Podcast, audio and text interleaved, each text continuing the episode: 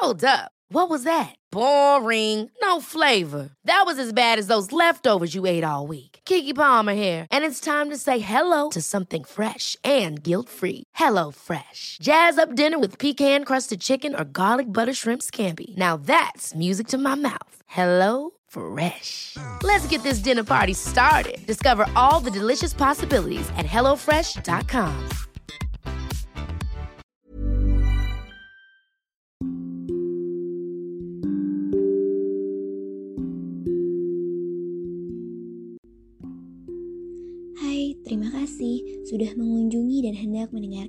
podcast Tidur. Aku Irene Vita. Selama ini aku pakai aplikasi Anchor untuk buat dan publish seluruh episodeku. Kalian juga bisa loh download dan pakai Anchor untuk buat podcast karena 100% gratis dan bisa didistribusikan ke Spotify dan platform podcast lainnya. Selamat mendengarkan permintaan istri nelayan dan pangeran ikan part 2. Semoga lekas tidur dan bermimpi indah. Sepasang suami istri nelayan mendapat keajaiban dari sang ikan setelah sang nelayan menyelamatkannya. Istri nelayan menyuruh suaminya itu pergi untuk membuat permintaan sebagai bentuk balas budi si pangeran ikan. Mereka yang awalnya tidak memiliki rumah dan hanya tinggal di kandang babi di tepi laut, kini memiliki rumah yang nyaman dan berperabotan lengkap berkat keajaiban dari sang ikan. Belum puas, istri nelayan menyuruh suaminya itu untuk kembali pada sang ikan, menyampaikan permintaannya, yaitu sebuah istana dari batu yang megah. Sang ikan pun mengabulkannya. Begitu sang nelayan tiba di rumah, tempat sebelumnya telah hilang, dan secara ajaib telah berdiri istana besar dengan para prajurit di sekitarnya.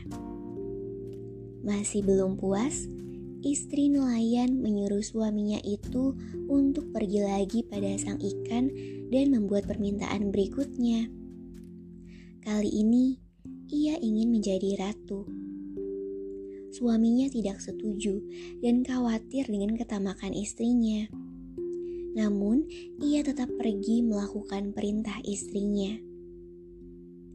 Sang ikan pun kembali mengabulkannya. Mahkota emas dan berlian tersemat di atas kepala istri nelayan, hingga enam pelayan melayaninya di sampingnya. Namun istri nelayan belum merasa puas. Ia menyuruh suaminya mendatangi sang ikan lagi dan membuat permintaan berikutnya yaitu menjadi kaisar. Oh, istriku, kenapa kamu ingin menjadi kaisar? Ucap sang nelayan tak percaya dengan apa yang baru saja didengarnya. Suamiku, pergilah pada sang ikan. Katakan aku ingin menjadi kaisar. Perintah istri nelayan. Oh istriku, sang ikan tidak bisa membuat seseorang menjadi kaisar. Aku yakin, dan aku tak ingin meminta hal seperti itu padanya. Pinta sang nelayan. Aku adalah ratu di negeri ini, dan kau adalah budakku. Cepat pergi padanya dan lakukan titahku. Perintah istri nelayan. Maka dengan terpaksa dan berat hati, sang nelayan pergi ke tepi laut. Sepanjang perjalanan, ia bergumam. Ini akan menjadi kesialan. Permintaan ini terlalu berlebihan. Sang ikan akan kelelahan dan kita harus menanggung apa yang sudah kita lakukan padanya. Namun, ia tetap menuruti istrinya dan tibalah sang nelayan di tepi laut. Airnya kini berwarna hitam dan berlumpur. Angin puyuh berputar di tengah laut dengan kencang seolah mengamuk. Sang nelayan memberanikan diri mendekat dan berkata, "Oh, sang pria laut, dengarkanlah aku. Istriku, Ilsabil memiliki suatu permintaan dan mengutus aku untuk memohon padamu agar mengabulkannya. Sang ikan pun muncul ke permukaan air, mendekati sang nelayan dan berkata, apalagi yang istrimu ingin dapatkan. Oh, istriku ingin menjadi kaisar. Ucap sang nelayan dengan suara pelan dan takut-takut, tak berani menatap mata sang ikan. Pulanglah, ia telah menjadi kaisar. Ucap sang ikan. Maka sang nelayan pulang lagi ke rumah dan saat tiba di dalam istana, ia melihat istrinya sedang duduk di singgah sana yang terbuat dari emas mulia. Dan di kepalanya ada mahkota megah yang tinggi sekali. Di sisinya ada dua orang prajurit. Satunya berbadan kekar sekali dan satunya berbadan kecil seukuran kurcaci. Sementara di bawah singgah sana telah berbaris sepasukan penjaga dan pelayan istana. Kemudian di sisi satunya ada para pangeran dan para bangsawan sedang berkumpul. Dengan wajah kaget dan tak percaya, sang nelayan ingin memastikan pada istrinya. Istriku, kini Betulkah kamu adalah kaisar? Ya, aku adalah kaisar. Ucap istri nelayan. Oh, sang nelayan memperhatikan keajaiban sekelilingnya dan melihat istrinya dari atas hingga ke bawah dan lanjut katanya. Sungguh karunia yang hebat menjadi seorang kaisar. Suamiku, kenapa harus berhenti sebagai seorang kaisar? Kali ini, aku akan menjadi paus. Ucap istri nelayan. Istriku, bagaimana bisa kamu menjadi paus? Paus umat Kristiani hanya ada satu. Bujuk sang nelayan. Suamiku, aku akan menjadi paus negeri ini sekarang juga. Ucap istrinya menekankan permintaannya. Tapi sang ikan tidak bisa membuatmu menjadi paus istriku. Bujuk sang nelayan. Omong kosong. Jika ikan itu bisa menjadikanku kaisar, maka dia pasti bisa menjadikanku paus. Pergi dan cobalah perintah istri nelayan. Maka sang nelayan pergi ke tepi laut lagi. Namun, saat sampai di dekat sana, ia melihat tepi laut mengamuk dan ombak laut sedang pasang tinggi. Kapal-kapal di atas laut terombang-ambing dan penuh kekacauan. Di tengah langit, ada setitik celah memancarkan langit biru namun sekelilingnya telah dipenuhi warna merah dengan kilatan yang mengerikan. Melihat pemandangan itu, sang nelayan menjadi sangat ketakutan hingga kedua lututnya gemetaran dan betisnya pun lemas. Namun, ia pelan-pelan berjalan ke tepi laut dan berkata, "Oh, sang pria laut, dengarkanlah aku." istriku Ilsabil memiliki suatu permintaan dan mengutus aku untuk memohon padamu agar mengabulkannya. Sang ikan muncul ke permukaan laut lagi dan berkata, huh, apa lagi yang istrimu inginkan kali ini? I, I, istriku ingin menjadi paus ucap sang nelayan dengan ragu dan takut. Pulanglah, istrimu sudah menjadi paus. Ucap sang ikan.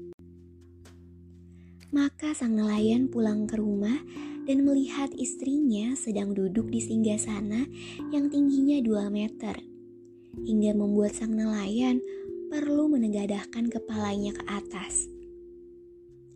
Ada tiga mahkota di atas kepala istrinya dan kini ia dikelilingi seluruh orang yang memegang kuasa di gereja. Di kiri kanan singgah sana itu ada dua pilar dengan api yang berkobar. Sang nelayan terpukau dengan apa yang ia saksikan dan memastikan pada istrinya. Istriku, kini kau adalah paus? Ya, aku adalah paus. Ucap istri nelayan. Baiklah istriku, ini adalah anugerah yang sungguh dahsyat. Sekarang kau tidak bisa menjadi lebih tinggi lagi dari ini, karena ini sudah yang terhebat. Ucap sang nelayan. Hmm, aku akan memikirkannya dahulu. Kemudian mereka berdua pergi tidur. Namun, Ilsabil tidak dapat tidur sama sekali, memikirkan apa yang akan ia mintai selanjutnya pada sang ikan. Pagi hari datang. Sinar mentari masuk menembus jendela mengenai pipi Ilsabil. Terik pagi membangunkannya. Istri nelayan pun mendapat ide. Ia melihat keluar jendela. Aha, pada akhirnya, meski aku adalah paus, aku tetap tidak bisa menghalangi matahari bersinar di pagi hari. Kemudian, ia pun membangunkan suaminya dan menjadi marah. Suamiku, pergilah ke sang ikan sekarang dan bilang padanya untuk membuatku menjadi penguasa matahari dan bulan. Sang nelayan masih setengah sadar namun permintaan istrinya mengejutkannya dan kini ia penuh kesadaran dan kecemasan. Saking kagetnya hingga ia terjatuh dari ranjang. Oh istriku, tidakkah kau puas dengan menjadi seorang paus? Apakah itu masih belum cukup untukmu? Pinta sang nelayan dengan muka memelas. Tidak, Aku tidak nyaman selama matahari dan bulan muncul tanpa seizinku. Mereka tidak bertindak sesuai kemauanku. Pergilah pada sang ikan sekarang juga. Perintah istri nelayan. Maka, dengan terpaksa dan berat hati, sang nelayan kembali ke tepi laut. Kini, badai di laut sudah sangat parah dan dahsyat hingga menggoyangkan pohon dan batu. Bahkan ia harus menahan kakinya agar tetap menempel di tanah. Ada petir dan kilat menyambar di mana-mana. Kini, air laut telah menjadi sangat hitam dan berombak sangat tinggi jauh di atas kepala sang nelayan. Meski begitu, sang nelayan tetap mendekat ke tepi dan berkata, "Oh, sang pria laut, dengarkanlah aku. Istriku, Ilsabil memiliki suatu permintaan dan mengutus aku untuk memohon padamu agar mengabulkannya. Apa lagi yang istrimu inginkan dariku?" Ucap sang ikan marah. Oh, ia ingin menjadi penguasa matahari dan bulan. Ucap sang nelayan. Pulanglah, kembalilah kalian ke kandang babi itu. Ucap sang ikan. Maka pasangan suami istri nelayan itu pun hidup kembali seperti awal mulanya. Di kandang babi di tepi laut hingga akhir hayat mereka.